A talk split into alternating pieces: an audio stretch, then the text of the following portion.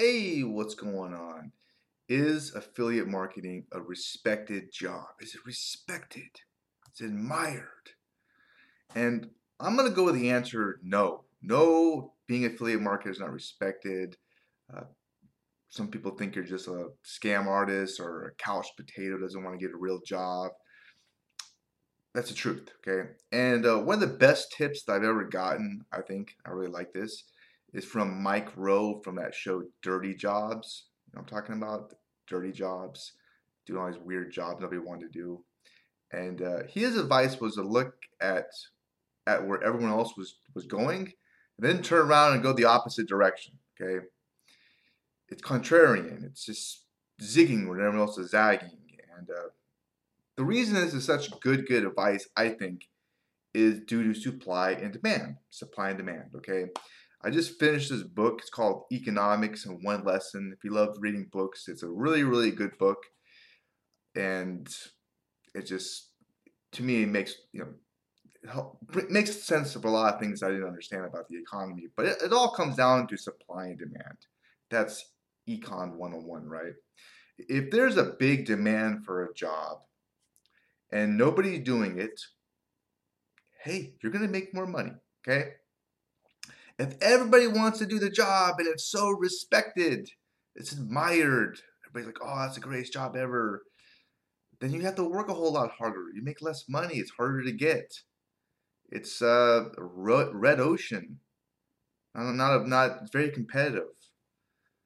And um, yeah, the demand for the job goes up, supply goes down, right?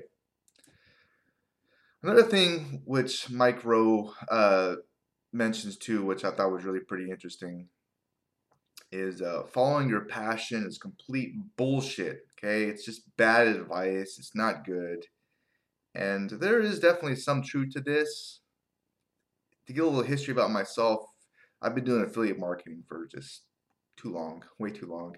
But originally, I was actually in supplements. I was in the health niche, and I love these supplements, and I continue to use a lot of these supplements that I was, you know, trying to promote um, I still use them, but I changed because it just didn't work out. The math didn't work out. I just, I just go broke. Um, I went down some other weird, strange path that's that became my passion. Okay, it didn't start off as being my passion, and it's boring shit like list building, copywriting, email marketing. So the moral of the story is, even if it's a boring topic, even though it's not your passion to begin with, you could turn it into your passion. Okay. You can make it interesting. Any boring topic out there, you can make interesting and cool. Okay. And that's what I'm a big fan of. And uh, I really like the advice that following your, your passion is complete bullshit because it helps you think outside the box. Okay. It's more of a blue ocean strategy, really opens the doors for a lot more options for yourself and uh, gives you a lot more, uh, a lot of ideas to work with. Okay. So it's I think it's better to go places where it's not super super competitive. Okay. And this advice also applies to how you should you should be doing marketing too as well. Okay. Uh, it's okay to go where other people are not willing to go. You know, it's okay to be a little bit different than everybody else. Um, this will help you stand out and uh, will help you with your marketing in general. Okay. That's another really interesting book too. Is uh, differentiate or die.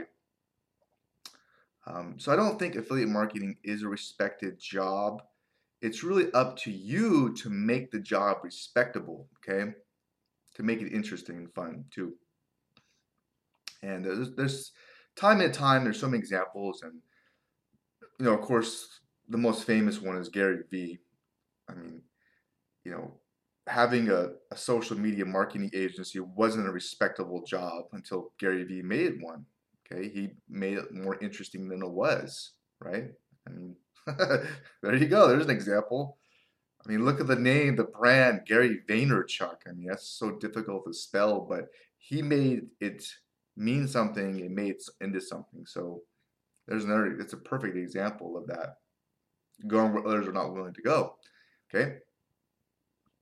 Um, I'm being completely real with you, but the more people that shit on affiliate marketers and think they're, they're scum of the planet, that it's just it's not a respected job, the happier I'm going to be. Okay, uh, the more people who thinks it's saturated, though you can't make money in that, you know, I'll, eh, even better. Okay.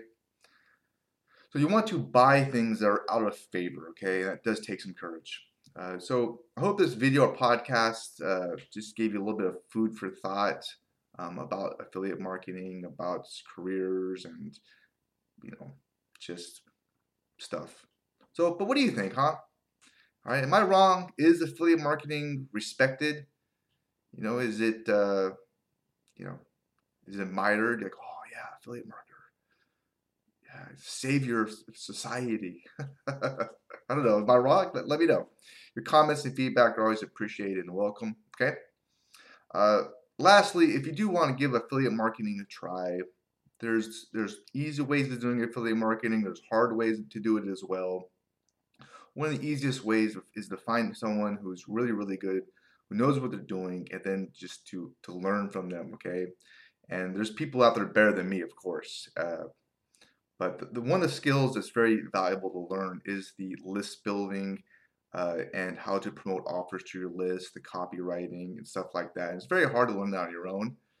And uh, I think that those skills really will help you a lot because even if you suck at traffic and you know you have a very small list, you can still make some really really good money if you know what you're doing on the back end. Okay. Um, all right. So if you want to know who this person is, who I recommend you learn from, just click that link below, or you can just check out uh, my website at trustthelink.com. You can trust the link. Okay. All right. Uh, thanks for watching. Okay. Have a great day. Bye.